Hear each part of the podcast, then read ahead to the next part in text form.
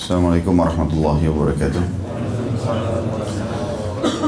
Alhamdulillah Tidak pernah lisan kita berhenti memuji sang pencipta Allah. Segala nikmat yang dilimpahkan kepada kita. Sebagai seorang muslim kita sangat yakin dengan kalimat La ilaha illallah La ma'buda bihaqqin illallah.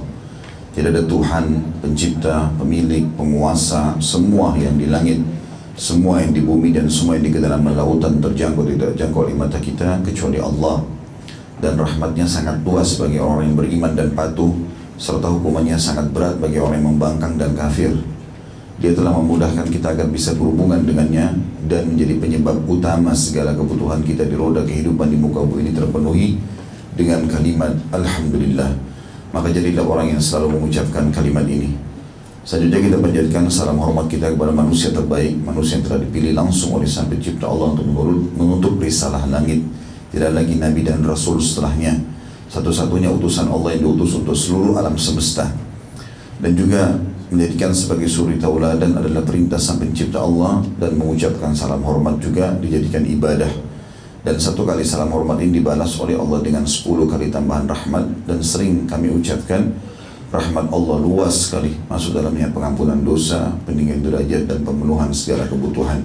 Maka sangat wajar sebagai seorang muslim setelah memuji dan memuja Allah Alhamdulillah kalau kita selalu mengucapkan salawat dan taslim para Nabi besar Muhammad sallallahu alaihi wasallam. Kita melanjutkan bedah buku kita Sahih Hadis Qudsi dan kita masih dalam bab yang sama keutamaan umat Muhammad sallallahu alaihi wasallam. Dan dari awal bab sudah saya katakan berita gembira buat kita karena kita telah menjadi umat yang besar ini. Dan Nabi SAW sudah mengingatkan tidak ada seorang Nabi pun kecuali telah mengingatkan kaumnya tentang kalian. Dan juga dalam hadis yang lain tidak ada satu umat pun sebelum kalian kecuali berharap jadi kalian karena besarnya keutamaan umat ini. Dan kita sudah bahas kalau saya tidak salah ingat lebih dari enam buah hadis dari awal bab. Termasuk yang terakhir adalah hadis nomor 95 dengan sanad sahih seperti biasa saya reviewkan kembali dari Ibnu Mas'ud radhiyallahu anhu bahwasanya Nabi sallallahu alaihi wasallam bersabda uridatil umamu bil bil mausim faraitu ummati fa'ajabatni kathratuhum wa hay'atuhum qad mala'u as-sahla wal jabal فقال يا محمد أرضيت قلت نعم أي ربي قال ومن هؤلاء ومع هؤلاء سبعون ألفا يدخلون الجنة بغير حساب الذين لا يسترقون ولا يكتوون ولا يتطيرون وعلى ربهم يتوكلون. فقال عكاشة ادعوا الله أن يجعلني منهم. فقال اللهم اجعله منهم. ثم قال رجل آخر ادعوا الله أن يجعلني منهم. قال سبقك بها عكاشة umat-umat ditampakkan di padang yang luas. Maksudnya Nabi SAW mengatakan diperlihatkan kepadaku seluruh umat-umat ini. Lalu aku melihat umatku, jumlah mereka yang banyak dan rupa mereka begitu mengagumkan. Ya sampai sini sudah pernah saya jelaskan pertemuan sebelumnya. Jumlah mereka yang banyak maksudnya jumlah mereka yang paling banyak di antara semua manusia yang hadir di mahsyar pada saat itu. Dan kita sudah tahu kalau sudah tiba kiamat tidak ada manusia baru yang akan diciptakan ya, cuma manusia yang pernah hidup saja di muka bumi ini kemudian mengagumkan maksudnya umat Muhammad SAW akan mengeluarkan cahaya dari tubuh mereka terutama yang tersentuh dengan air wudhu sebagaimana dijelaskan dalam hadis Bukhari yang lain. Mereka sampai memenuhi lembah dan bukit. Allah bertanya apakah kamu telah ridho? Maka aku menjawab ya wahai Robku. Maksudnya kau ridho enggak dengan jumlah umatmu sampai sebanyak ini? Aku berikan petunjuk maka Nabi SAW mengatakan, Ya wahai Tuhanku. Dan makna Rabb artinya pencipta, penguasa. Dia berfirman Allah bersama mereka terdapat 70 ribu orang yang masuk surga tanpa hisab. Semoga insya Allah kita termasuk di situ. Yaitu orang-orang yang tidak meminta dirukyah, tidak melakukan pengobatan menggunakan besi panas, tidak melakukan totayur, dan kepada Rabb lah Robnya lah mereka bertawakal. Jadi ternyata 70 ribu orang masuk surga tanpa hisab ini diberikan ciri oleh Nabi Wasallam. Yang pertama mereka tidak minta dirukyah. Ini juga sudah kita rincikan. Kalau seandainya seseorang mengalami penyakit, atau kena sihir kemudian dia bersabar maka itu akan lebih besar pahalanya. Nah, kalaupun dia mau berobat dan ikhtiar tidak disalahkan, ya. Tidak disalahkan karena Nabi SAW juga dirukyah oleh Jibril alaihissalam dan banyak sekali sahabat-sahabat yang dirukyah atau e, saling merukyah satu sama yang lain. Bahkan Nabi SAW memerintahkan agar Hafsah belajar rukyah dari seorang wanita perukyah di Madinah. Dan sudah kita rincikan masalah itu. Ya. Kalau Bapak Ibu lagi menghadapi masalah lagi merasa selalu saja ada gangguan syaitan seperti mimpi buruk, ketindihan, ya, apa namanya bertengkar suami istri tanpa sebab, ya, atau anak terlalu nakal berlebihan biasanya ada penyakit-penyakit yang gangguan syaitan maka boleh dirukyah bukan tidak boleh jadi sudah saya jelaskan panjang lebar dari dalilnya di pertemuan yang sebelumnya dan juga ada bedah buku tentang rukyah syariah yang sudah ada di YouTube insya Allah bisa diikuti Kemudian mereka tidak melakukan pengobatan dengan menggunakan besi panas atau bahasa Arabnya kai. Dalam hadis yang lain kata Nabi SAW, kesembuhan umatku pasti ada pada tiga pengobatan. Yang pertama, konsumsi madu. Dan sudah kita tekankan masalah itu. Madu ini jadikan rutinitas setiap hari. Gula pasir diganti saja. Ya. Jadi dipakai madu, maka itu jauh lebih baik. Baik dalam keadaan kita sakit ataupun sehat. Ya, karena ini dipastikan akan menjadi penyebab kesembuhan. Kemudian yang kedua adalah sayapan uh, bekam. Ya. Dan ini sudah sudah sering saya ingatkan. Hari ini kita tanggal 14 Muharram, besok insya Allah 15, tanggal 17, ya, tanggal 19 dan tanggal 21 sunnahnya berbekam. Ya. Terutama bagi teman-teman yang sempat puasa selama tiga hari ini itu sangat efektif Nah, kena puasa yang mulbid sampai tanggal 15 besok, kemudian tanggal 17-nya berbekam. Kalau tidak puasa pun tidak masalah. Tapi Nabi SAW pastikan kesembuhan ada di sayapan uh, bekam ini. Ya. Kemudian kata Nabi SAW yang ketiga adalah kai atau menggunakan besi panas. Tapi beliau mengatakan hanya saja aku melarang umatku menggunakan kai. Jadi besi dipanasin lalu dikagetin di tubuh. Biasanya ini pengobatan atau terapi untuk orang stroke. Ya. Dan itu bukan tidak dibolehkan, tetapi hukumnya makruh. Karena umumnya dikhawatirkan dia bisa merusak kulit. Tetapi bagi orang yang membutuhkannya boleh berobat dengan kai. Karena Nabi SAW pernah mengkai langsung saat Ibn Mu'ad radhiyallahu anhu. Sahabat mulai mati syahid setelah perang Ahzab kebetulan dadahnya kena anak panah dan sobek, mengeluarkan darah non-stop, maka Nabi SAW panaskan besi kemudian menempelkan di tempat itu. Tapi ini pengobatan yang dianjurkan untuk dijauhi. Karena memang sebagian uh, ulama mengatakan khusus kayak ini membuat orang ketagihan. Jadi kalau kita sudah sering pakai besi panas dikagetin di tubuh, kayaknya merasa nyaman, jadi akan terus menerus. Ya. Makanya dianjurkan untuk tidak melakukannya kecuali darurat. Nah ciri yang kedua dari orang yang masuk surga tanpa hisab adalah tidak menggunakan besi panas itu. Ya. Kemudian yang ketiga tidak melakukan tatayur. Dan sudah kita jelaskan tatayur adalah menggantungkan nasib pada benda. Kalau tatayur diambil dari kata-kata tayr yang berarti burung. Orang-orang Quraisy dulu melakukan dua hal berhubungan dengan menggantung nasib pada burung ini. Yang pertama, kalau mereka mau safar, misalnya arah timur dan barat, di kanan dan kiri dia. Maka dia melepaskan seekor burung merpati, kalau dia mau ke arah timur dan burung merpati yang dilepas itu ke arah timur, dia berprasangka akan selamat dan berhasil dalam perjalanannya. Tapi kalau burung itu terbang ke arah barat sementara dia mau ke timur maka ada kesialan. Dan ini tidak boleh tentunya yang menggantungkan nasib pada burung. Mungkin burungnya jantan lalu melihat burung betina dikejar sama dia, gitu kan? Tapi ini kebodohan orang kadang-kadang tertayur masa jahiliyah. Kemudian juga eh, yang kedua adalah mereka mengambil bulu daripada burung itu lalu ditulisi di atasnya lakukan yang satu bulu bulu satu bulu yang kedua ditulis tidak melakukan yang ketiga kosong. Ditaruh dalam sebuah kotak dititipin pada dukun dan peramal mereka. Setiap kali mereka mau melakukan sesuatu, mau pindah rumah kah, mau perjalanan kah, mau menikah kah, apa saja, maka mereka datang ke dukun tersebut, membayar uang, kemudian mereka mengambil dengan cara tidak melihat, masukkan tangannya ke dalam kotak itu, lalu dia ambil. Kalau bulu yang keluar tulisan lakukan, berarti dia anggap dia akan dapat manfaat. Kalau keluar yang tidak lakukan berarti dia akan sial. Kalau keluar yang tidak tertulis maka dia harus mengulangi sampai dia mendapatkan salah satu dari uh, kedua uh, bulu tadi ya, yang ada tulisannya.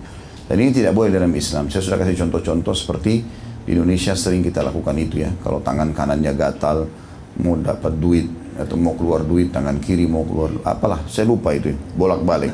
Lebih baik dilupa gitu kan. Tapi mungkin kalau tangan kanan kalau tidak salah mau dap, keluarin duit tangan kiri mau dapat duit kalau matanya di atas mau senang kalau di bawah mau sedih apalah entah kupingnya kalau terasa goyang ya, atau hidungnya atau ini dan segala macam ini semua tidak boleh ya.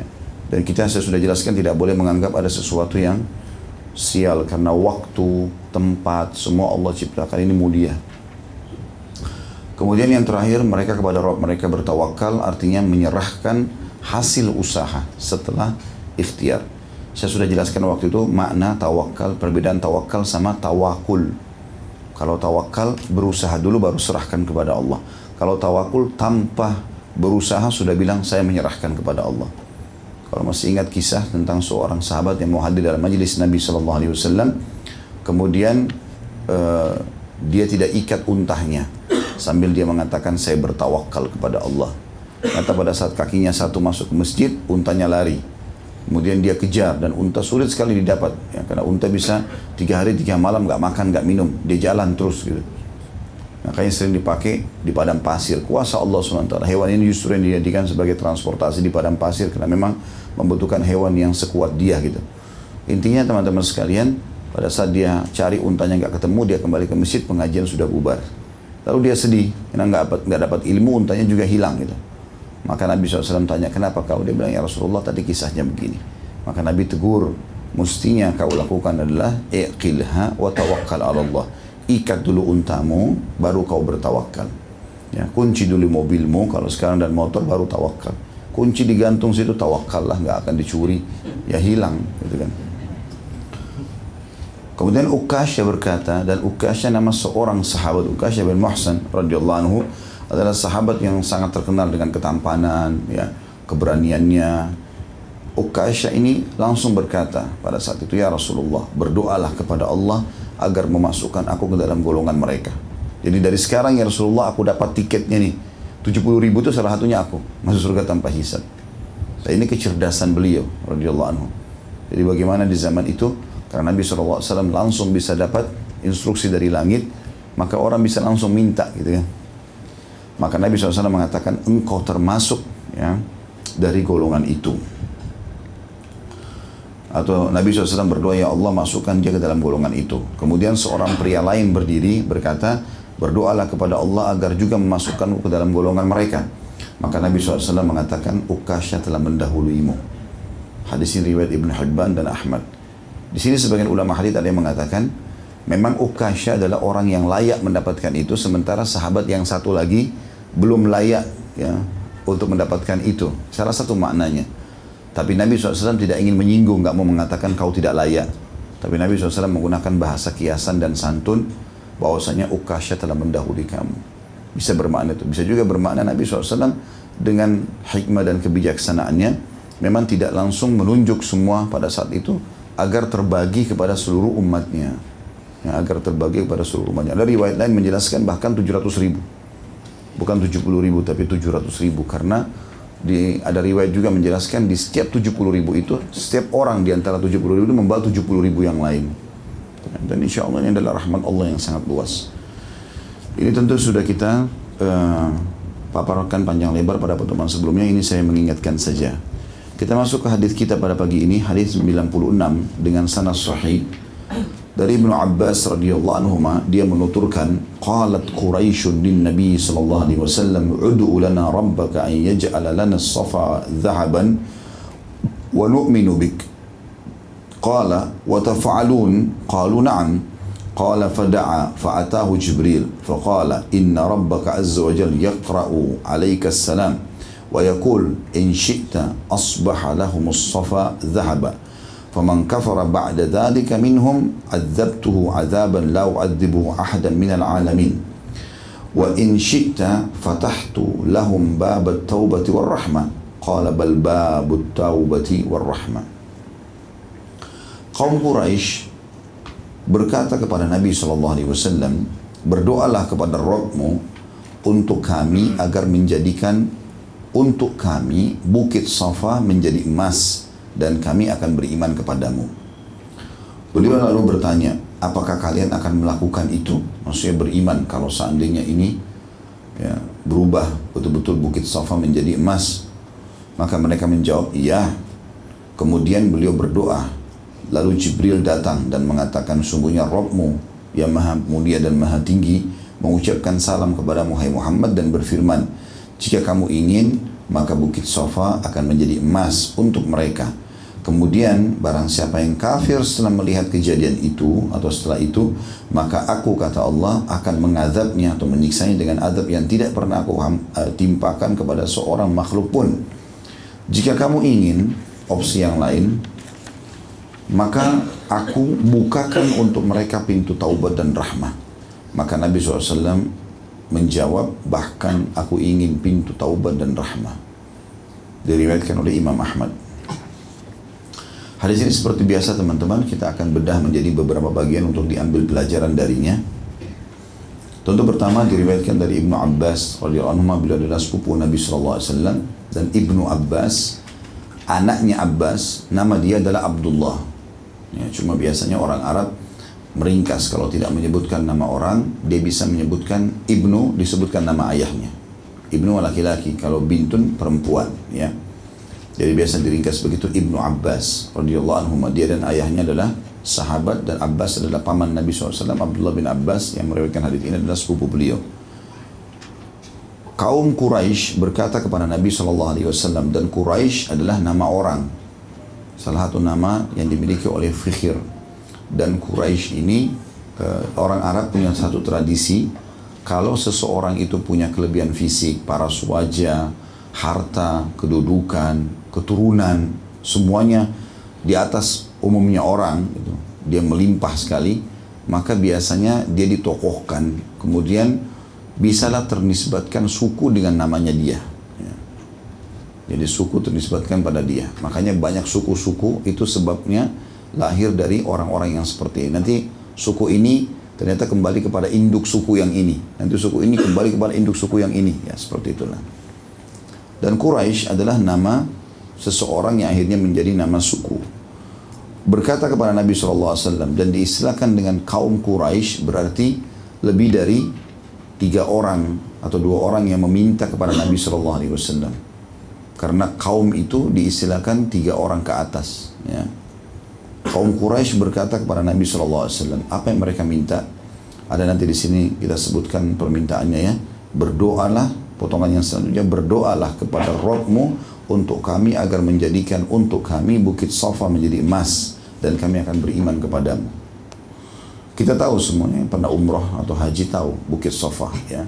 Walaupun sekarang tertutup kebanyakan dengan bangunan masjid, Masjidil Haram. Tapi bukit Safa pasti dilewati oleh setiap orang yang umroh atau haji karena ada sa'i berjalan antara Safa dan Marwah yang pernah Ibunda Hajar alaihissalam melakukan perjalanan untuk mencari air buat dirinya dan anaknya Ismail alaihissalam kisah yang masyhur masalah itu. Maka sofa itu di zaman Quraisy sangat menonjol dan termasuk bukit yang sangat tinggi pada saat itu ya. Maka orang-orang Quraisy selalu menjadikan sofa apalagi memang syariat haji dan jalan saya antara Safa dan Marwah ini sudah ada dari zaman Ibrahim AS dan Quraisy melakukan itu. Walaupun mereka menyembah berhala, tapi dari satu sisi mereka juga melakukan ibadah haji. Ya. Makanya diistilahkan untuk orang-orang Quraisy mereka adalah orang musyrik. Musyrik artinya beriman sama Allah tapi mempartnerkan Allah dengan makhluk. Nah pada saat itu mereka minta. Ya, sebenarnya riwayatnya tidak berdiri sendiri teman-teman sekalian dan saya sudah bedah di kajian Sirah Nabawi. Kalau teman-teman melihat kajian uh, Sirah Nabawi fase Mekah, ya, fase Mekah di 13 tahun pertama dakwah Nabi SAW, salah satunya ada kejadian besar ini. Orang-orang Quraisy melihat pada saat baginda Nabi SAW sedang tawaf, maka mereka berkata, wahai Muhammad, apakah kau mau kami beriman? Maka tiba-tiba Nabi SAW berhenti dari tawafnya, lalu balik ke arah mereka mengatakan tentu saja. Karena Nabi SAW diutus memang untuk menyebarkan dakwah ini. Maka mereka mau mengatakan kalau kau mau, mau kami beriman maka turunkanlah kitab dari langit yang kami bisa pegang dengan tangan kami. Maka Nabi SAW mengatakan itu keinginan itu di tangan Allah. Kalau Allah mau Allah turunkan kalau tidak saya tidak bisa janjikan itu. Maka yang satu lagi mengatakan kalau begitu datangkan malaikat-malaikat supaya kami lihat dengan mata kepala kami. Nabi SAW menjawab Allah akan datangkan kalau Allah mau bukan di tangan saya. Saya bisa mintakan tapi tidak bisa saya pastikan Allah kasih atau tidak ya saya berusaha. Ada lagi yang mengatakan kalau begitu gantilah ya. Gunung Safa menjadi emas seperti bahasan hari ini. Kata Nabi SAW kalau Allah mau Allah lakukan tapi kalau tidak maka tentu tidak terjadi. Lalu Allah mengatakan hai Muhammad kau belum penuhi permintaan kami. Kalau begitu bangkitkanlah Quraisy Fikhir ya, dan juga beberapa tokoh-tokoh Quraisy yang sudah meninggal di depan mata kami, biar kami bisa bertemu. Kata Nabi SAW, kalau Allah ingin Allah lakukan. Maka mereka mengatakan, Hai Muhammad, kau tidak memberikan apa-apa nih, gitu kan. Itu dalam kajian-kajian sirah atau buku sirah disebutkan seperti itu. Kalau dalam hadis ini langsung dibahas tentang gunung Safa saja. Maka pada saat itu, kalau riwayat kita ini menjelaskan Nabi SAW sudah mau berdoa. Memberikan apa yang semua mereka minta. Jadi bukan cuma Gunung Safa berubah menjadi emas, tapi orang-orang tokoh Quraisy yang sudah mati dihidupkan, malaikat datang gitu kan, dan seterusnya. Maka pada saat itu Jibril datang dan mengingatkan sambil mengatakan, Hai Muhammad, Tuhanmu mengucapkan salam kepadamu dan menawarkan apa yang mereka minta akan dikasih. Tapi ingat ada syaratnya. Kalau apa yang mereka minta sudah dikasih, lalu masih ada yang kafir, maka akan aku siksa, tidak pernah aku siksa satupun makhluk seperti dia. Maksudnya siksaan yang sangat berat gitu kan. Maka Nabi SAW pada satu dikasih opsi yang lain. Atau aku bukakan pintu rahmat dan taubat. Artinya kau berdakwah saja. Mereka terima nggak terima itu nggak ada masalah. Kalau yang bersalah nanti merasa bertobat ingin kembali ya sudah saya akan maafkan seperti itu. Maka Nabi SAW mengatakan kalau begitu aku bersabar dan berharap pintu rahmat dan taubat. Nah pada saat itu teman-teman sekalian, di sini dikatakan atau ada kita ambil pelajaran lain dari hadis ini, Nabi SAW berdoa, tapi Nabi Nabi sempat mengatakan, apakah kalian akan beriman kalau aku minta itu, kalau Allah kasih? Ini mirip dengan kasus Nabi Saleh alaihissalatu wassalam. Salah satu mujizat Nabi Saleh adalah unta, ya unta betina. Jadi orang-orang kafir dari kalangan Nabi Soleh ini itu waktu Nabi Soleh lagi berdakwah di padang pasir ya. teman-teman mungkin uh, satu waktu umroh insya Allah kemudian bisa uh, memang berpapasan ya karena Saudi sekarang sudah membuat itu seperti tempat yang bisa dikunjungi Madain Soleh namanya tempat negerinya Nabi Soleh dulu tapi anjurannya untuk uh, kalau lewat ke sana pun kita harus uh, bersedih dan mengenang bagaimana Allah menghukum mereka. Tidak boleh kita jadikan sebagai tempat untuk bersantai-santai misalnya. Uh, karena memang itu tempat yang pernah disiksa. Di situ ada gunung. Saya pernah lewat sana ada satu gunung yang memang diyakini secara histori tempat keluarnya untah Nabi Soleh. Nah di sekitar itu Nabi Soleh dulu berdakwah. Kemudian pengikutnya yang kafir mengatakan Hai Soleh apa kau mau kami beriman? Kata Nabi Soleh tentu saja. Lalu mereka bilang kalau begitu keluarkan dari gunung ini unta betina Itu bagi mereka unta itu punya nilai yang sangat besar dan mustahil sekali unta bisa keluar dari gunung. Ya, seakan-akan unta itu adalah anaknya gunung itu kayak nggak mungkin gitu. Apalagi mereka minta unta betina besar. Tidak cukup hai saleh. Unta itu harus bisa memberikan susu satu negeri ini. Satu ekor tapi bisa berikan susu seluruh negeri ini. Maka Nabi Saleh alaihissalam berkata, kalau Allah memberikan apa yang kalian minta, beriman nggak? Mereka bilang iya, kami akan beriman tentunya. Dari gunung keluar unta, lalu bisa berikan susu semua negeri ini tentu. Maka depan mereka Nabi Saleh berdoa. Dan Allah kabulkan. Depan mata mereka terbelahlah gunung itu, keluarlah unta betina sebagai tanda kebesaran Allah. Dan unta itu subhanallah penduduk negeri Nabi Saleh ini hanya meletakkan wadah ya, di depan rumah mereka dan unta ini yang datang ya dengan tidak perlu diperas susunya itu tuangkan susu sendiri semua satu negeri ya, ribuan rumah semuanya dapat seperti itu semuanya dapat seperti itu Ternyata orang-orang kafir yang dasarnya memang tadinya nggak mau beriman, mereka niatnya ingin mempermalukan Saleh supaya berhenti berdakwah. Tidak suka itu maka mereka membunuh unta tadi. Dan gara-gara itu Allah binasakan mereka. Ya, orang-orang yang kafir dan orang yang beriman selamat bersama Saleh alaihissalam. Jadi sebenarnya lebih dekat seperti perbuatan kaum Nabi Saleh kepada ya, uh, apa kepada Nabi SAW begitu juga Quraisy ingin lakukan pada Nabi SAW mereka hanya ingin mempermalukan Nabi SAW Makanya di sini Jibril memberikan pilihan kepada Nabi SAW. Hati-hati loh. Allah kasih loh semua ini, tapi akan dihukum seperti kaum-kaum sebelumnya. Maka Nabi SAW sebagai bentuk rahmatnya kepada umatnya, beliau mengatakan tidak kalau begitu. Saya pilih opsi yang lain saja. Saya akan berdakwah, mereka beriman. Alhamdulillah tidak beriman ya sudah, gitu kan. Berarti nasibnya gitu. Karena kalau yang beriman, yang bertaubat, maka Allah terima taubatnya. Ada potongan yang lain bisa diambil pelajaran di situ adalah perkataan Jibril AS sesungguhnya Tuhanmu mengucapkan salam kepada Muhammad ya, jadi pengucapan salam kirim salam ini ada dalam syariat kita ya ada dalam syariat kita jadi boleh kita mengatakan saya sampaikan salam saya pas kita misalnya mau keluar kota gitu. Maka itu boleh. Ya, dan kalau dikatakan salam misalnya kita mengatakan ada salam dari fulan. Nah, kalau dia laki-laki kita mengatakan alaika misal orang yang membawa salam itu yang membawa salam itu kita mengatakan untukmu juga salam itu. Alaika wa alaihi salam dan untuknya juga salam orang yang mengirim itu. Kalau perempuan alaiki wa alaiha salam. Ya. Maka ini menjawab salam tersebut. Ya, ini bagian daripada agama kita. Jadi dibolehkan. Makanya Allah SWT menitipkan salam untuk mengirim salam kepada Nabi SAW dan ini sering terjadi. Abdullah bin Abbas Radhiallahu juga pernah menerima salam ya, dari para murid-muridnya dan dijawab oleh beliau. Ya. Kemudian potongan yang lain adalah tentang masalah Allah subhanahu wa ta'ala. Kalau mengubah dan mendatangkan apa yang telah diminta oleh manusia dan mereka tidak beriman maka azabnya akan datang. Jadi jangan pernah teman-teman sekalian menantang Allah subhanahu wa ta'ala. Misal orang mengatakan kalau saya sembuh saya akan melakukan ini dan itu. Ternyata dia nggak lakukan. Ya. Ini berbahaya. Karena kalau Allah sudah berikan, maka tugas kita harus bersyukur kepada Allah, gitu kan?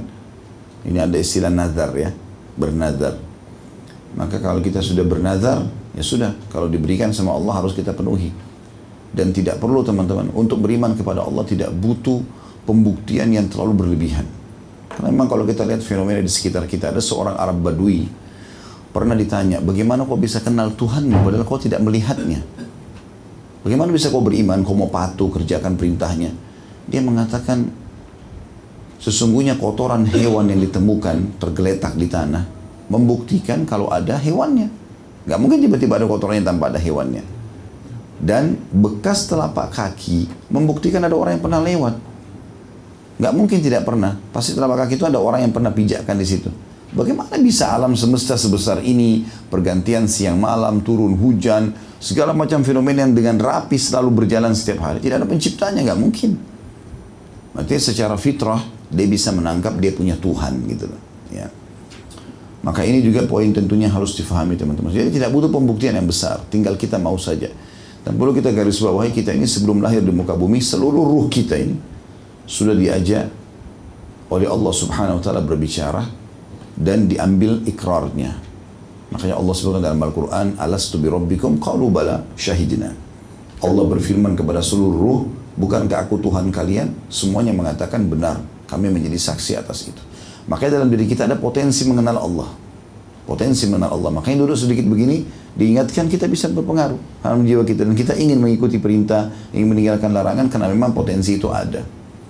Seorang uh, ilmuwan pernah mengadakan perjalanan Kemudian saya tidak temukan namanya ya, tapi sempat saya angkat di tesis S2 waktu itu tentang bagaimana dia membuktikan potensi untuk mengenal Allah atau Tuhan itu ada.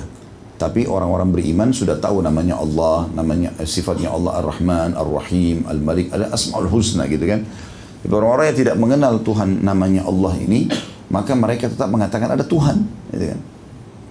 Maka dia mengatakan saya sudah mengelilingi hampir seluruh kota-kota di muka bumi ini, saya temukan kota atau desa tanpa pasar, ada. Ada yang tanpa rumah, ada yang tanpa sekolah dan seterusnya.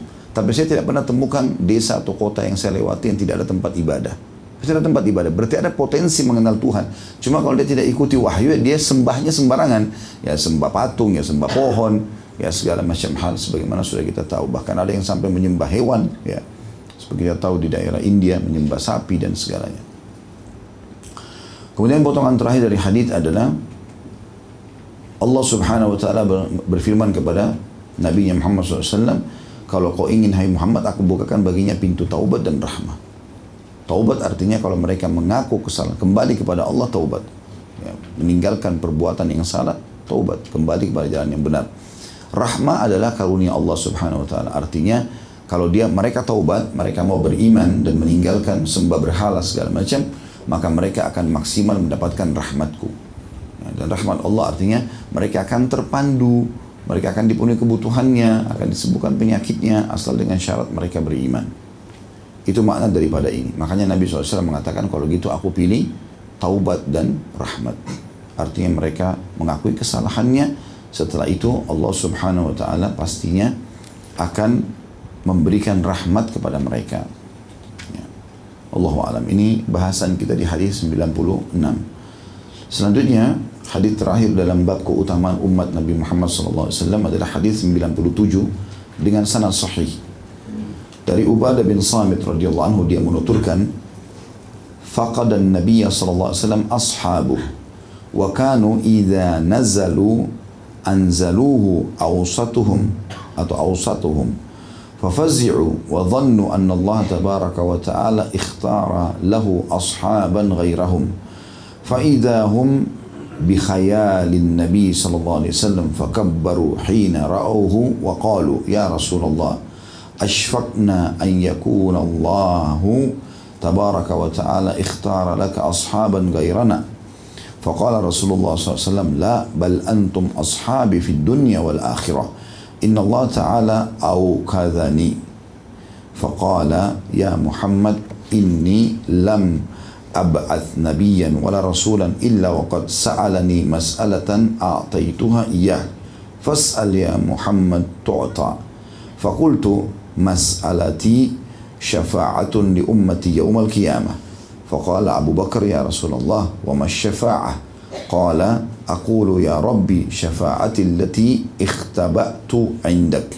فيقول, فيقول الرب تبارك وتعالى نعم fayukhriju rabbi tabaraka wa ta'ala bakiyata ummati minan nar fayambidhuhum fil jannah terjemahannya para sahabat Nabi Shallallahu Alaihi Wasallam merasa kehilangan beliau. Maksudnya menghilangan Nabi Shallallahu Alaihi Wasallam. dahulu jika mereka singgah mereka menempatkan beliau di tengah-tengah mereka. Maka mereka terkejut dan mereka menyangka bahwasanya Allah Azza wa Jal telah memilihkan untuk beliau para sahabat selain mereka. Ketika mereka membayangkan Nabi SAW, lantas mereka bertakbir pada saat mereka melihat beliau. Mereka mengatakan, wahai Rasulullah, kami khawatir bila Allah yang maha suci dan maha pemurah memilihkan untukmu para sahabat selain kami. Beliau menjawab, tidak, bahkan karena adalah sahabat-sahabatku di dunia dan akhirat. Sesungguhnya Allah yang maha tinggi membangunkanku. Lalu berfirman, wahai Muhammad, aku tidak mengutus seorang nabi dan seorang rasul, melainkan dia telah memohon kepadaku dengan suatu permohonan yang telah aku kabulkan permohonannya itu. Memintalah, wahai Muhammad, maka permintaanmu akan dikabulkan. Aku mengatakan, permohonanku ialah syafaat untuk umatku pada hari kiamat. Abu Bakar lalu bertanya, wahai Rasulullah, apakah syafaat itu? Maka beliau menjawab, aku mengatakan, wahai Robku, syafaatku, syafaat artinya pertolongan, yang aku simpan di sisimu. Rob yang maha tinggi dan maha pemurah menjawab, ya. Kemudian Robku akan mengeluarkan sisa-sisa umatku dari neraka, lalu memasukkan mereka ke dalam surga. Hadis ini riwayatkan Imam Ahmad. Hadis yang panjang lebar ini, teman-teman sekalian, memiliki banyak sekali kandungan ilmu dan hikmah. Potongan yang pertama adalah Ubadah bin Samit radhiyallahu anhu seorang sahabat yang mulia menceritakan para sahabat Nabi SAW merasa kehilangan beliau. Maknanya adalah pernah satu waktu Nabi SAW sedang bersafar bersama para sahabat Dan yang sering sahabat lakukan adalah mereka meletakkan kemah Nabi di tengah-tengah. Lalu mereka mengelilinginya supaya Nabi SAW aman. Gitu. Satu waktu mereka semua tertidur, kemudian tiba-tiba saja waktu mereka bangun Nabi SAW tidak ada. Dan ini di tengah tempat yang bukan kota Madinah di perjalanan. Maka mereka khawatir apakah Nabi dibunuh, apakah Nabi diculik atau Nabi memang pergi ya di atas perintah Allah kemudian Allah memilihkan sahabat-sahabat yang lain. Gitu kan. Kekhawatiran jangan sampai kita buat salah nih. Sampai akhirnya Allah memilihkan sahabat selain kita nih. Ya, seperti itulah. Maka ini potongan pertama dari hadis adalah bagaimana kecintaan sahabat kepada Nabi Shallallahu Alaihi Wasallam. Dan sudah pernah kita sampaikan teman-teman definisi sahabat itu sendiri adalah seseorang yang melihat Nabi Shallallahu Alaihi Wasallam atau bertemu dengan Nabi langsung. Karena ada juga sahabat yang buta matanya tidak bisa lihat Nabi. Seperti Ibnu Ummul Maktum. Jadi orang yang melihat Nabi SAW atau bertemu dengan Nabi secara langsung kemudian beriman pada beliau dan meninggal dalam keyakinan tersebut. Maka dikatakan sahabat. Ya. Dan semua sahabat ini tentunya adalah orang-orang yang udul. Orang-orang yang terpercaya. Pilihan Allah subhanahu wa ta'ala.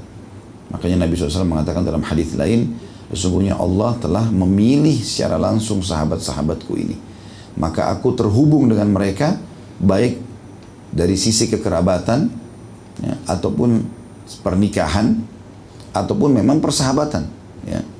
maka terjalin hubungan dengan itu tentunya teman-teman ini poin yang sangat baik untuk dibahas ya karena kalau kita kenal seorang sosok yang misalnya memang dituakan, dihormati, orang yang bijaksana, kemudian kita bisa mendekat dengan dia, kita merasa itu poin plus ya buat kita. Sebab dia adalah orang yang mungkin tidak semuanya orang bisa berkenalan, tapi akhirnya kita bisa berkenalan sama dia, bahkan kita menjadi orang yang khusus bersama mereka atau bersama dia. Pasti kita akan merasa bangga dengan itu. Umumnya sifat manusia itu. Maka bagaimana dengan orang yang menjadi sahabatnya manusia terbaik, pemimpin anak Adam? Maka ini sebuah kebanggaan. Dari sahabat-sahabat itu faham masalah itu.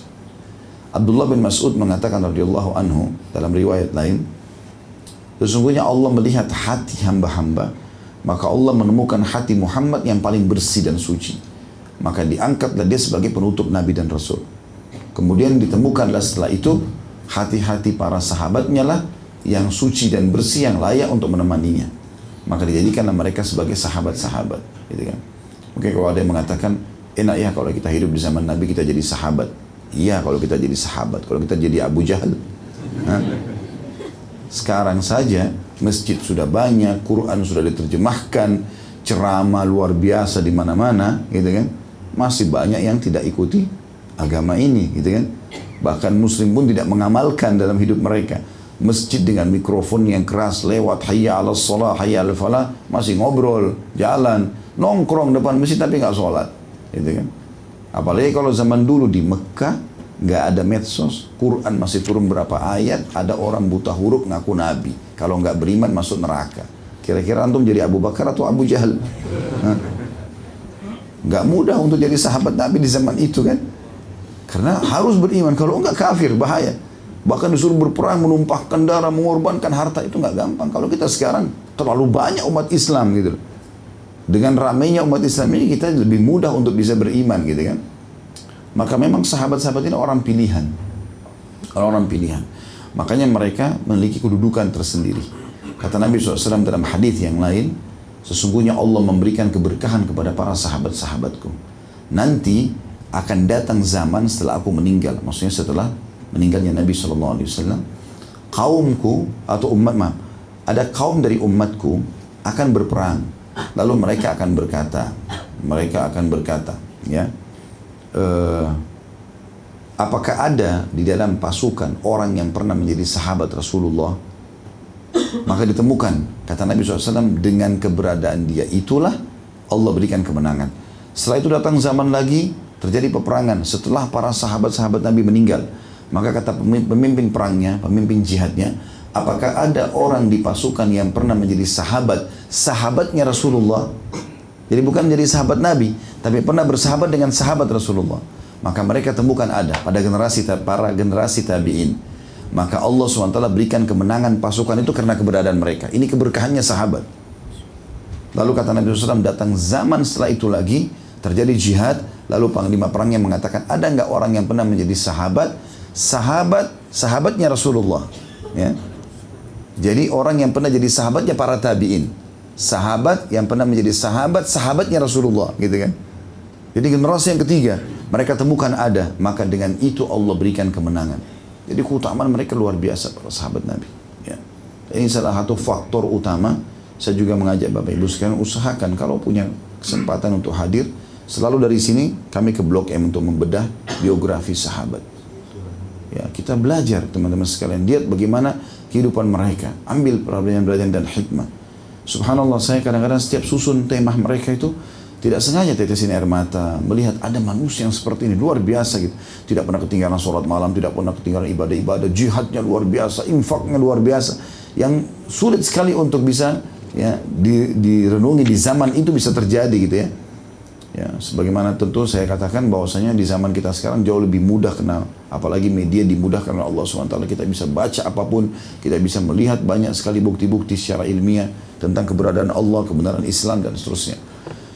Maka ini keutamaan mereka punya kedudukan tersendiri. Bagi yang tidak hadir di Blok M bisa ikuti live ya. Lagi di kendaraan lagi, jangan disia-siakan teman-teman. Itu kurang sudah sudah kurang lebih 40 lebih episode sahabat. Khusus biografi mereka saja siapa dia, siapa istrinya, siapa anaknya, bagaimana uh, kedudukannya di sisi Nabi SAW. Ada nggak ayat turun tentang dia, apa yang dia uh, lakukan semasa bersama Nabi SAW dan kalau dia punya wasiat-wasiat nasihat maka kita nukil gitu. Semua itu bertujuan sangat besar manfaatnya karena mereka adalah manusia-manusia mulia yang langsung menemani Nabi SAW dan kalau ada salah dia langsung dipandu oleh Nabi SAW. Dan dalam istilah sahabat ini tidak masuk orang munafik ya. Karena tadi kita kembali ke definisi sahabat, orang yang melihat Nabi SAW atau bertemu dengan Nabi lalu beriman dan meninggal dalam keadaan iman tersebut. Orang-orang munafik tidak lakukan itu. Mereka bertemu dengan Nabi syarat pertama terpenuhi. Tetapi mereka tidak beriman. Mereka kafir, pura-pura Islam. Dan mereka meninggal dalam keadaan kufur itu. Makanya Allah SWT menurunkan surah khusus surah Al-Munafikun membongkar kedok orang-orang yang pura-pura Islam di zaman Nabi wassalam. Baik ini potongan pertama yang kita ambil dari hadis adalah pada saat para sahabat Nabi merasa kehilangan beliau. Karena waktu itu mereka lagi tidur semuanya pas bangun tidur mereka temukan Nabi tidak ada. Maka mereka ketakutan sekali para sahabat Nabi. Dan memang mereka sangat memuliakan Nabi SAW ya. Sampai Urwa bin Mas'ud radhiyallahu anhu sebelum masuk Islam dia adalah dutanya Quraisy. Ke mana-mana pasti dia yang diutus gitu. Karena punya penampilan wibawa menguasai banyak bahasa gitu kan. Jadi dia kalau ketemu Kaisar Romawi dia yang pergi. Kalau pergi ketemu Kisra Persia dia yang ketemu. Pergi Najasyi ketemu raja di Afrika, di Ethiopia, dia dia yang ketemu. Jadi dia yang ketemu kan. Dia mengatakan pada saat dia bertemu dengan Nabi SAW dan dia lihat bagaimana sahabat bermuamalah dengan Nabi, maka dia kaget dan dia gambarkan pada Quraisy. Dia mengatakan, ketahui hai Quraisy, aku sudah mendatangi raja-raja dunia. Belum pernah aku temukan ada sahabat-sahabat pemimpin seperti sahabatnya Muhammad. Belum ada. Seluruh raja dunia yang aku pernah datangi. Uh, dia bilang demi Allah Muhammad itu tidak jalan kecuali mereka men, mereka berlumba-lumba menaunginya tutup dengan uh, kalau kita payung ya sekarang mungkin zaman dulu tuh orang pakai pelapa-pelapa kurma tutupin supaya tidak kena panas dan mereka tidak pernah ada yang berani menatap wajah Muhammad karena segannya dan ketahuilah kalau Muhammad beruduk dan mengeluarkan riak ya bekas air kumur-kumur segala macam maka mereka pada berumba-lumba dan menggosok di wajah dan wajah dan baju mereka. Jadi mereka memuliakan Nabi SAW luar biasa para sahabat itu. Ya, luar biasa. Itu digambarkan oleh Abdullah bin Mas'ud eh, apa Urwa bin Mas'ud. Maka ini menandakan teman-teman memang mereka sangat mendudukkan Nabi SAW di kedudukan yang sangat tinggi.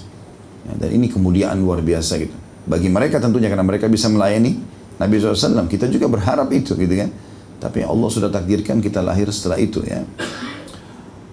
Di sini dikatakan dahulu jika mereka singgah para sahabat mereka menempatkan beliau SAW di tengah-tengah mereka supaya selalu terlindungi ya. maka mereka terkejut maksudnya terkejut sini pada saat mereka bangun tidur ya.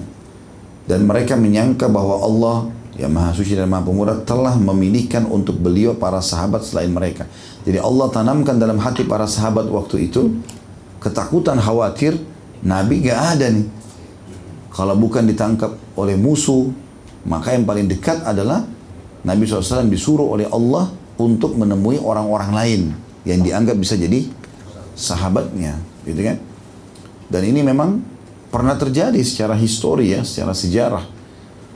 Setelah 10 tahun Nabi SAW berdakwah di Mekah, 10 tahun, tahun ke-11 terjadilah hiburan Allah SWT untuk Nabi SAW dengan dua kejadian besar. 10 tahun itu tidak ada yang beriman dari masyarakat Mekah kecuali 153 orang saja.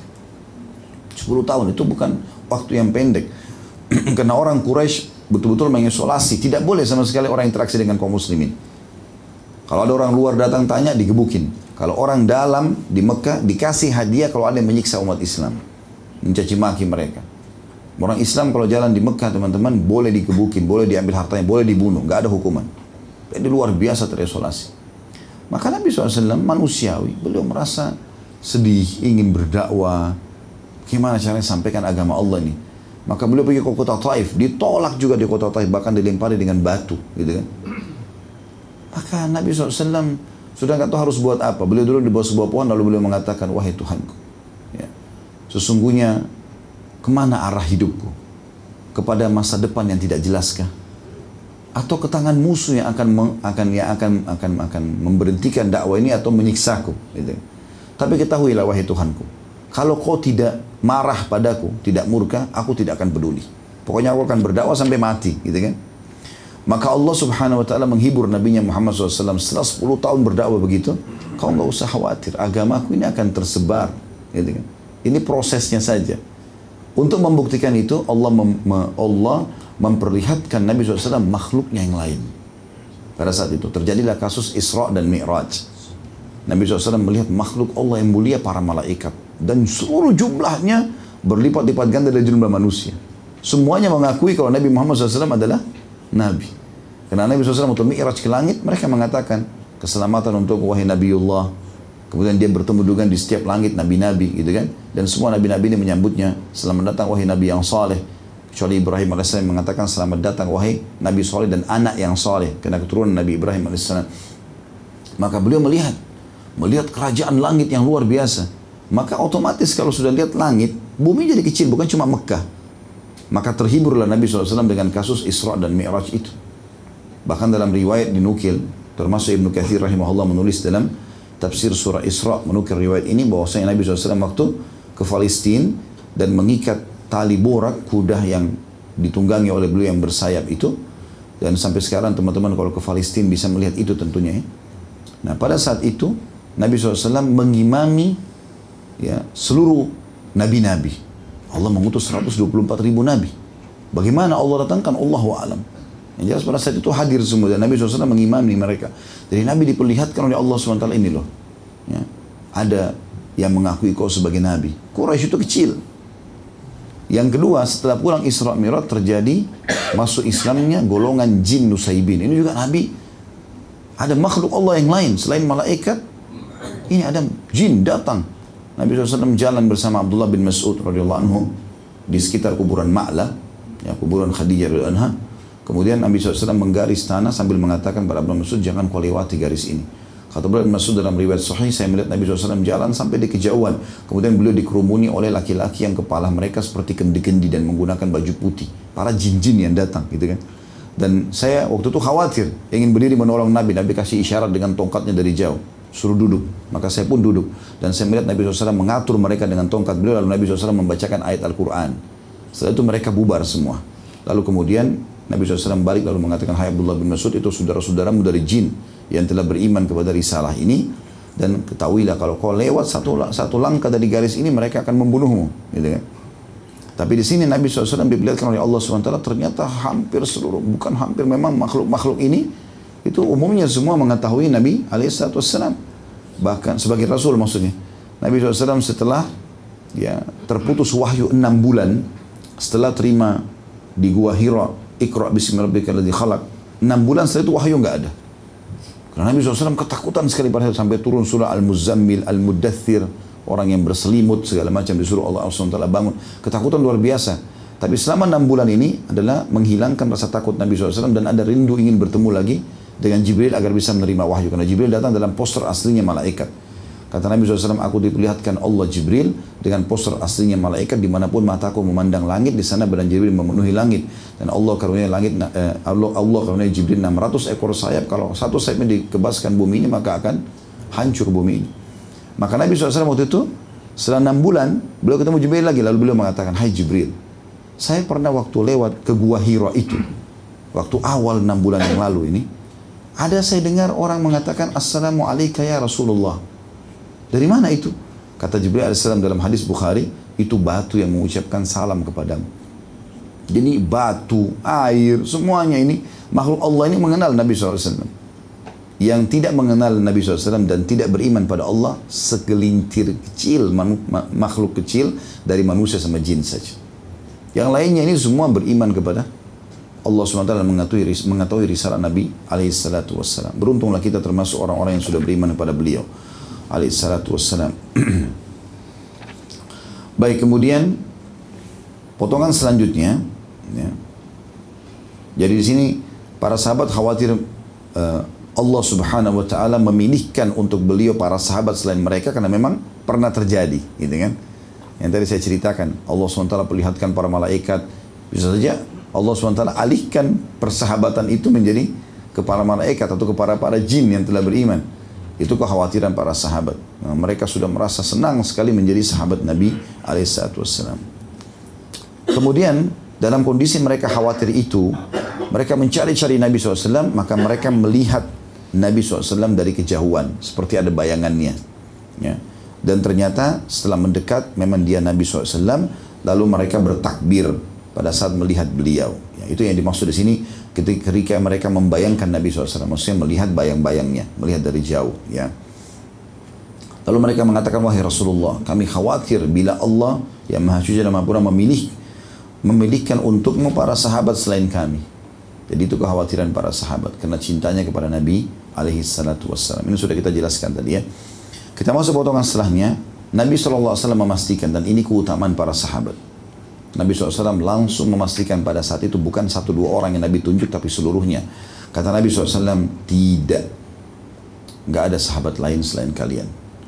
Bahkan kalian adalah sahabat-sahabatku di dunia dan di akhirat. Dan ini bantahan telak kepada kaum Syiah yang justru mengkafirkan sebagian sahabat. Ya. Karena nggak mungkin ada sahabat yang kafir gitu. Mereka adalah manusia-manusia pilihan. Yang kafir itu berarti memang dasarnya bukan sahabat. Dia masuk Islam lalu dia kafir. Kan definisi sahabat tadi ber, bertemu dengan Nabi SAW, beriman dan meninggal dalam keyakinan itu. Jadi kalau ada yang sebelum meninggal kafir, murtad, nggak dihapus status sahabatnya. Ya, seperti para penolak zakat yang diperangi oleh Abu Bakar anhu yang tidak sempat taubat, meninggal atau yang mengaku nabi palsu. Maka semua itu tentunya tidak masuk dalam kategori sahabat gitu. Maka Nabi SAW memastikan mereka akan menjadi sahabat-sahabat Nabi di dunia dan juga di akhirat. Artinya kalian tetap akan dalam posisi yang sama karena Allah sudah memilih kalian. Dan ini tentu keutamaan para sahabat. Lalu Nabi SAW gambarkan apa yang terjadi tadi. Nabi bilang, sesungguhnya Allah membangunkanku. Nah dari kalimat inilah sebagian ulama hadis mengatakan berarti memang tadinya sahabat dan Nabi SAW lagi tidur, lagi istirahat. Nah para sahabat lagi tidur, Nabi dibangunkan oleh Allah untuk meninggalkan tadi ya komunitas beliau atau perkumpulan para sahabat tadi untuk pergi ke satu tempat yang Allah ingin mewahyukan kepada beliau wahyunya. Ya. Lalu Allah berfirman kepadaku dan ini potongan hadis yang lain yang kita bisa ambil pelajaran wahai Muhammad aku tidak mengutus seorang nabi dan seorang rasul. Ini pernah kita jelaskan teman-teman ya perbedaan nabi dan rasul ya. Masih ingat nggak? Allahu a'lam. Hmm. Nabi adalah seseorang yang Allah utus membawa uh, seseorang yang Allah utus mengingatkan kaumnya apa yang disampaikan oleh Nabi dan Rasul sebelumnya. Dia tidak bawa syariat baru kalau Nabi. Nabi itu hanya datang ingatin kaumnya, ingat loh, Nabi sebelum saya pernah bilang begini, ini hukumnya. Jadi beliau cuma melanjutkan saja. Tapi kalau Rasul adalah seseorang yang Allah utus membawa syariat baru menghapus syariat sebelumnya.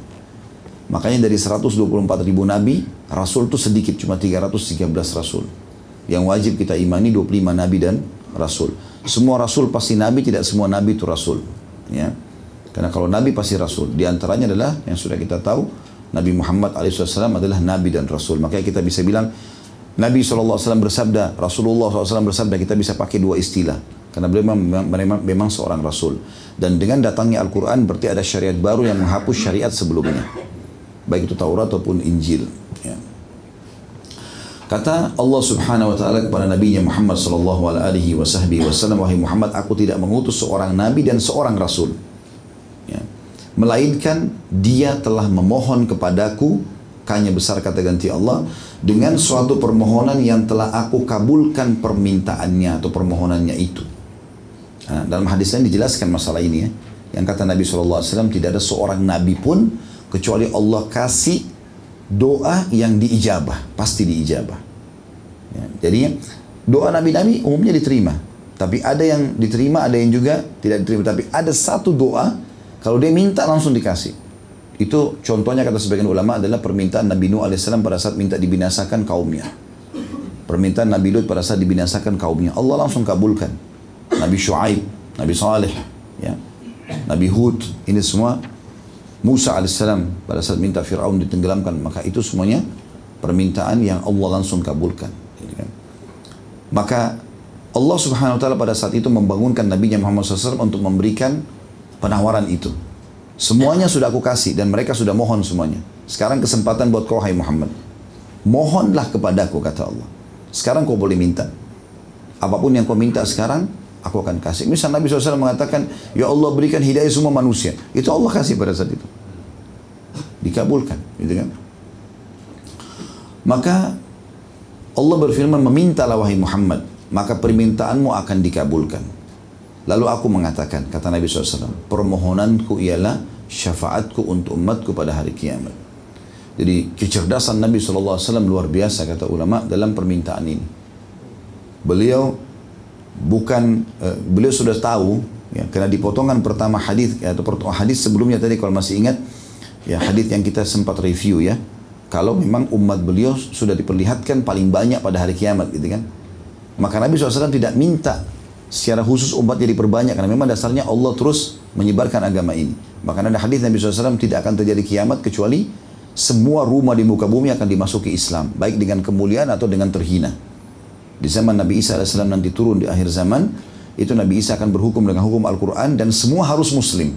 Masuk Islam dengan mulia, dia terima Islam atau dia kalau tidak dihinakan, dibunuh. Itu di zaman Nabi Isa AS. Tidak berlaku sekarang tentunya. Kalau sekarang konsep kita la ikrah fid din. Nggak ada paksaan dalam Islam gitu ya. Maka Nabi SAW tahu umatnya akan banyak. Maka yang beliau minta bukan di dunia. Ya Allah khusus doa itu yang kau izinkan aku dikabulkan. Simpan di akhirat nanti. Untuk apa? Berikan syafaat, pertolongan. Syafaat maksudnya adalah pertolongan agar selamat dari api neraka masuk ke surga. Ini permintaan yang sangat cerdas. Gitu kan? Bagaimana nanti kalau ada umatku masuk neraka, keluar masuk surga ya Allah. Dan ini dikuatkan dengan banyak hadis. Di antaranya hadis lain, hadis sahih riwayat Bukhari Muslim juga kata Nabi SAW, nanti akulah orang yang pertama mengetuk pintu surga, lalu dibukakan untukku. Pada saat malaikat berkata, siapa engkau? Aku mengatakan Muhammad. Kata malaikat penjaga pintu itu, aku tidak diperintahkan membuka pertama kali kecuali untukmu. Maka aku pun masuk dan aku bertemu dengan zat yang maha perkasa, Al-Jabbar, Allah di hadapanku. Lalu aku sujud, tersungkur sujud. Lalu uh, Allah SWT mengatakan, Hai Muhammad, angkatlah kepalamu, mintalah syafaat, maka aku akan diberikan. Karena ini permintaan Nabi SAW. Maka Nabi SAW mengingat, mengatakan, Ya Allah umatku. Kata, Nabi, kata Allah SWT, pergilah ke neraka, keluarkan dari umatmu, dari api neraka yang memiliki keimanan seperti dinar. ya Seperti koin dinar. gitu kan. Walaupun kecil begitu imannya, bisa. Gitu kan. Maka Nabi SAW pun pergi mengeluarkan dari umatnya sesuai dengan itu. Setelah itu dikembali, Allah masih mengatakan, pergilah kembali ke neraka, keluarkan dari umatmu yang dalam hatinya seperti setengah dinar itu. Hanya lebih sedikit lagi. Nabi SAW keluarkan. Setelah itu Nabi SAW kembali. Allah masih mengatakan lagi, pergilah Muhammad dan keluarkan dari umatmu yang memiliki keimanan seperti biji sawi. Seperti debu kecilnya. Ya. Biji sawi itu kan kecil sekali. Ya. Seperti pasir atau debu. Gitu. Maka Nabi SAW mengeluarkan pada saat itu. Itu pun kata Nabi SAW Allah masih berfirman tertinggal syafaatku. Lalu Allah menggenggam dari neraka satu genggaman yang mengeluarkan banyak makhluk. Kemudian memasukkan mereka ke dalam surga. Ya, dalam riwayat lain dikatakan di depan surga Allah siapkan nahrul hayat, sungai kehidupan. Semua umatku yang dikeluarkan ya, atau semua manusia yang beriman dikeluarkan dari neraka akan dimasukkan ke dalam sungai tersebut. Lalu kemudian mereka akan tumbuh seperti tumbuhnya sayur-sayuran gitu. Jadi mereka keluar dan mereka tidakkah kalian lihat yang kena cahaya berwarna uh, kuning ya dan tidak terkena cahaya berwarna hijau seperti itulah mereka tumbuh gitu kan. Masih lemas gitu, seperti itulah. Kata Nabi SAW dalam riwayat lain seperti tumbuhan atau uh, tanaman kecil yang tumbuh di saluran air gitu kan. Maka mereka akan tumbuh tentunya dan mereka akan dimasukkan ke dalam surga dan diberikan istilah dengan utaqaur rahman. Orang-orang yang telah diselamatkan dengan izin sang maha pengasih ini syafaat Nabi SAW. Sebagian ulama mengatakan syafaat Nabi SAW dibagi dua. Ya. Ada syafaat Nabi SAW untuk manusia diadili. Dan ini pun dibagi dua lagi syafaat yang pertama ini. Ada syafaat umum, ada syafaat khusus. Pertolongan umum, pertolongan khusus gitu. Jadi itu disebutkan dalam hadis yang panjang lebar tentang orang nanti kepanasan di mahsyar. Orang sudah nggak tahu harus buat apa. Mereka berharap mereka ke surga atau ke neraka karena luar biasa panasnya pada saat itu. Ya. Dalam sebuah riwayat dikatakan matahari jaraknya hanya satu mil saja. Dan satu mil ini kata perawi hadis, saya tidak tahu satu mil itu apakah jarak satu mil jarak perjalanan satu setengah kilometer itu atau mil diistilahkan juga bagi orang Arab kalau mau pakai celak wanita mau pakai celak biasanya ada kayunya itu dicelupin di serbuk celak itu lalu ditarik ke mata. Nah kalau sudah mau kesentuh ke mata ini namanya mil. Bisa saja matahari sedekat itu maka manusia akan tenggelam ada yang sampai mata kakinya, ada yang sampai betisnya, ada yang sampai perutnya, ada yang sampai dada, ada yang tenggelam dengan keringat sendiri. Dan itu Allah alam berapa lama. Maka karena manusia sudah jenuh sekali dan pada saat itu tersiksa, mereka pun akhirnya mendatangi para nabi-nabi. Datanglah kepada Adam, engkaulah ayah kami yang pertama, manusia yang pertama diciptakan.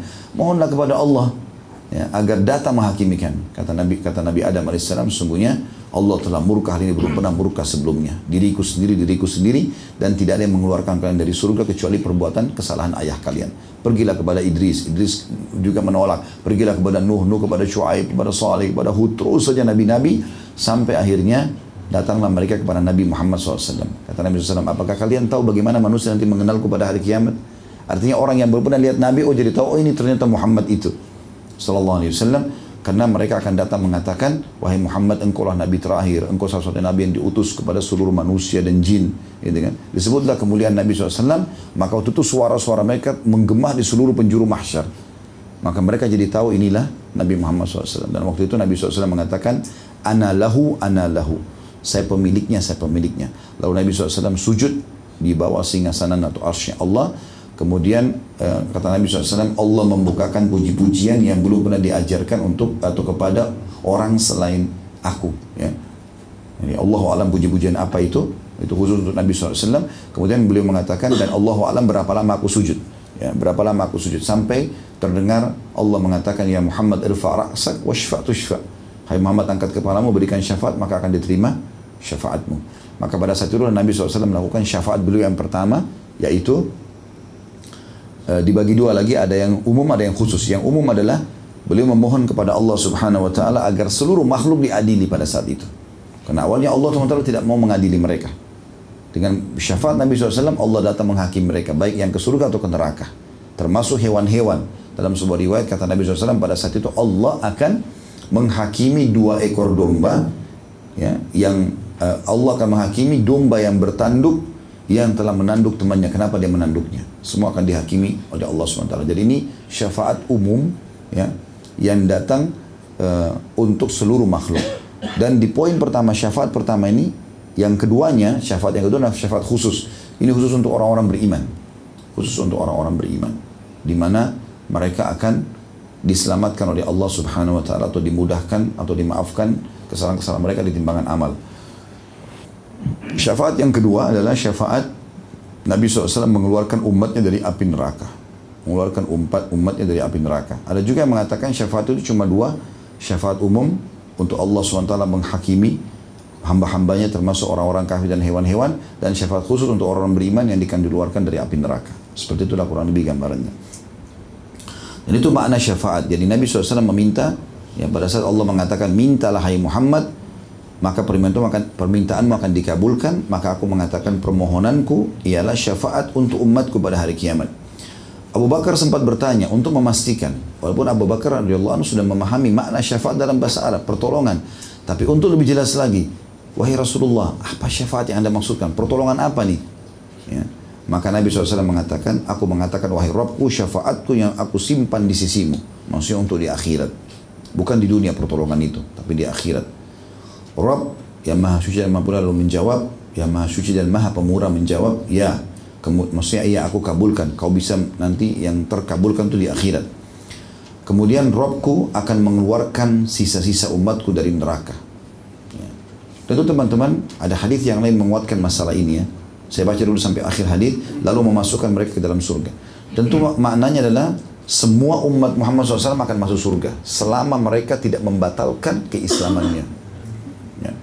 Seperti misalnya orang berbuat kekufuran, murtad atau dia syirik besar, ya, maka ini bisa membatalkan keislaman. Saya sarankan teman-teman membaca banyak sekali artikel. Ada tulisan yang mulai ditulis oleh Syekh Muhammad bin Abdul Wahab atau Syekh Muhammad At-Tamimi rahimahullah tentang 10 pembatal keislaman maka itu dibaca insya Allah dan uh, setahu saya kita sudah pernah bedah tapi masih baru pembatal keislaman yang pertama. Karena baru baru kalau tidak salah minggu lalu saya membedah itu di salah satu kantor kajian siang ya. Tapi di situ bisa dibaca tentunya ada 10 pembatal keislaman. Dan kita harus hati-hati dengan itu. Makanya teman-teman kenapa kita dalam uh, so, dalam azan ada syahadat kan? Asyhadu an la ilaha illallah asyhadu rasulullah. Dan semua muslim yang dengar disuruh ikuti kan kata Nabi SAW kalau kalian dengarkan muadzin ucapkanlah seperti yang diucapkan termasuk dalam syahadat itu. Bahkan kata Nabi SAW siapa yang mendengar muadzin lalu dia mengatakan wa ana ashhadu an la ilaha illallah wahdahu la syarika la wa anna muhammadan abduhu wa rasuluh. Artinya pada saat dia dengar syahadat dia juga mengatakan dan saya juga bersaksi bahwa saya tidak Tuhan yang berhak disembah kecuali Allah dan Muhammad adalah utusannya. Lalu dia mengatakan raditu billahi robba aku ridha Allah sebagai Tuhan wa bi Muhammadir dan Muhammad sebagai utusannya, wabil Islam dan Islam sebagai agama, maka dibersihkan dosa-dosanya yang telah lalu. Motivasi untuk mengulangi syahadat ini dan mengikutinya besar sekali. Karena kata sebagian ulama, bukan mustahil dalam detik-detik hidup seorang muslim bisa terlintas dia kafir. Syahadat itu memperbaharuinya. Begitu juga pada saat kita tahiyat. Semua tahiyat kan? Syahadu an la ilaha illallah, syahadu anna Muhammad Rasulullah. Itu kan? Dan pendapat yang banyak dipegangi juga oleh para ulama adalah syahadat itu dibaca dalam semua tahiyat. Gitu kan? Baik tahiyat pertama, tahiyat kedua, gitu kan? Kita mengucapkan asyhadu an la ilaha illallah, asyhadu Muhammad Rasulullah, kan gitu. Maka ini berarti ada pembaharuan dari syahadat tersebut, ya. Dan ini semua teman-teman tentu karena harapan kita ya, kalau kita tidak melakukan perbuatan-perbuatan kufur walaupun naudzubillah masuk neraka dulu dia akan keluar. Tapi kapan naudzubillah Bapak Ibu membatalkan keislamannya, maka syafaat ini akan lepas dari kita. Ya, wa naudzubillah jangan sampai terjadi tentunya. Makanya Allah mengingatkan wala tamutunna illa wa antum muslimun. Kunci terakhirnya jangan kamu mati kecuali dalam keadaan Islam. Jangan rusak itu. Ya. Kalau orang melakukan maksiat tentu tidak boleh juga zina, riba segala macam. Tapi selama dia tidak merusak syahadatnya, dia nggak kufur kepada Allah dan tidak ingkari risalah Nabi Muhammad SAW, maka dia kemungkinan besar mendapatkan syafaat itu, mendapatkan syafaat itu. Ya. Tapi juga perlu saya garis bawahi dan saya tutup dengan ini. Kalau ada pertanyaan setelah ini silahkan teman-teman sekalian. Uh, yang perlu kita garis bawahi adalah jangan juga berpikir atau menganggap remeh mengatakan kan umat Islam semuanya pasti masuk surga. Ya udah nggak apa-apa deh saya buat maksiat aja sekarang. Atau juga nanti masuk surga. Jawabannya memang betul masuk surga karena Nabi SAW mengatakan ya uh, akan masuk surga siapa yang dalam hatinya ada kalimat la ilallah walaupun seperti biji sawi. Ya betul itu. Tetapi masalahnya kita tidak tahu berapa lama dia disiksa dulu di neraka. Itu kan. Karena satu hari di sisi Allah pada hari kiamat Allah katakan dalam Al-Qur'an, "A'udzu billahi minasyaitonir yawma 'inda rabbika ka'alfi sanati mimma ta'uddun." Satu hari di sisi Tuhanmu di hari kiamat itu di hari akhirat sama dengan seribu tahun waktumu di dunia. Jadi dibakar dulu gitu kan. Orang kalau kita naudzubillah digebukin saja setengah jam sudah babak belur. Satu jam bisa mati gitu kan. Bagaimana kalau disiksa? Satu hari waktu akhirat seribu tahun. Karena nanti orang-orang akan masuk ke neraka nih.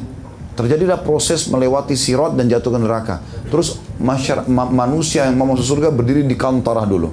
Allah alam berapa lama kantorah itu kayak sebuah jembatan atau tempat di depan surga. Mereka dibersihkan sisa-sisa dendam dan segala macam tidak lagi itu baru masuk surga. Setelah masuk surga, Allah alam juga berapa lama prosesnya, barulah Allah subhanahu wa ta'ala mengizinkan Nabi Muhammad SAW untuk mengeluarkan umatnya dari api neraka. Jadi ada prosesi penyiksaan itu. Allahu alam. Bukan seribu tahun kah, lima ratus tahun kita nggak tahu, gitu kan? Karena istilah ratusan ini sering Nabi gunakan. Kata Nabi SAW akan masuk orang miskin di surga setengah hari lebih cepat daripada orang kaya. Dan itu adalah 500 tahun. Gitu kan? Berarti kan waktunya luar biasa. Perhitungannya kan gitu. Karena satu hari sampai dengan seribu tahun kan. Setengah hari itu sudah panjang gitu. Maka ini semua harus dihati-hati. dan jangan disalahfahami. Karena banyak orang anggap remeh itu ya gampang itu Allah maha pengampun iya tapi dia lupa Allah sangat berat siksaannya gitu kan daripada orang melakukan kemaksiatan lebih baik dia melakukan ketaatan ya karena kenikmatan ketaatan tidak akan dirasakan teman-teman kecuali kita istiqomah dalam ketaatan itu dan meninggalkan dosa nah, kalau Bapak Ibu ada yang mengatakan saya tidak bisa khusyuk dalam sholat Ustaz. Permasalahannya Bapak Ibu masih campur antara keimanan dengan dosa. Ya, maka nggak pernah bisa khusyuk. Karena ini masih berimbang terus. Kalau kita sibukkan diri dengan amal saleh dan kita tinggalkan dosa, dan ini kita tutup betul-betul kerannya, maka di situ kita akan rasakan kenikmatan amal soleh atau keimanan itu. Allahu a'lam. Baik begitu saja karena sudah menjelang setengah 12 mudah-mudahan bisa diambil manfaat dari apa yang kita bahas hari ini dan kita berdoa kepada Allah Subhanahu wa taala semoga apa yang kita pelajari ini bermanfaat buat kita dan juga seluruh ilmu yang pernah kita dapatkan dan akan kita pelajari nanti semuanya bermanfaat buat kita dan buat umat Islam. Sudah dijadikan sebagai tambahan amal pada hari kiamat dan semoga seluruh amal yang pernah kita kerjakan tidak terkecuali sunnah ataupun wajib semuanya diterima oleh Allah dengan pahala yang sempurna dan semoga seluruh dosa yang pernah kita lakukan sengaja tidak sengaja besar ataupun kecil sama ataupun nyata semuanya diganti dengan kemahamuran Allah menjadi pahala dan kita selalu doakan Indonesia menjadi negara yang aman, tentram, damai, seluruh umat Islam di bawah naungan ukhuwah Islamiyah. Dan dalam ibadah mereka kembali kepada Al-Quran dan Sunnah. Dan semoga Allah melunasi utang negara ini dengan semudah-mudahnya membukakan rezeki dari seluruh penjuruhnya memberikan hidayah yang belum dapat hidayah menyembuhkan orang yang sakit dan mengarunia kita pemimpin muslim yang adil kembali kepada Al-Quran dan Sunnah. Dan semoga Indonesia menjadi contoh bagi negara-negara yang lain. Selalu kita berharap agar Allah SWT menolong saudara kita di Palestina, Syria, di Yaman, di Irak, di Myanmar, di Ahsa di Cina, di Kashmir, di mana pun yang mereka sedang tertindas sekarang. Semoga Allah ikhlaskan niat mereka, terima para syuhada mereka, muliakan Islam di tangan mereka dan tangan kita semua. Dan semoga Allah ikut sertakan kita bersama mereka di pahala, baik dengan doa, dengan harta juga dengan jiwa kita. Dan semoga Allah dengan kemahamannya menyatukan kita semua di surga firdausnya tanpa hisab. Mana dalam majlis ilmu yang mulia ini. Kalau benar pasti dari Allah, kalau salah dari saya mohon dimaafkan. Sallallahu Nabi Muhammadin walhamdulillah rabbil alamin. Subhanakallahumma bihamdika asyhadu an la ilaha illa anta astaghfiruka wa atubu ilaik. Wassalamualaikum warahmatullahi wabarakatuh.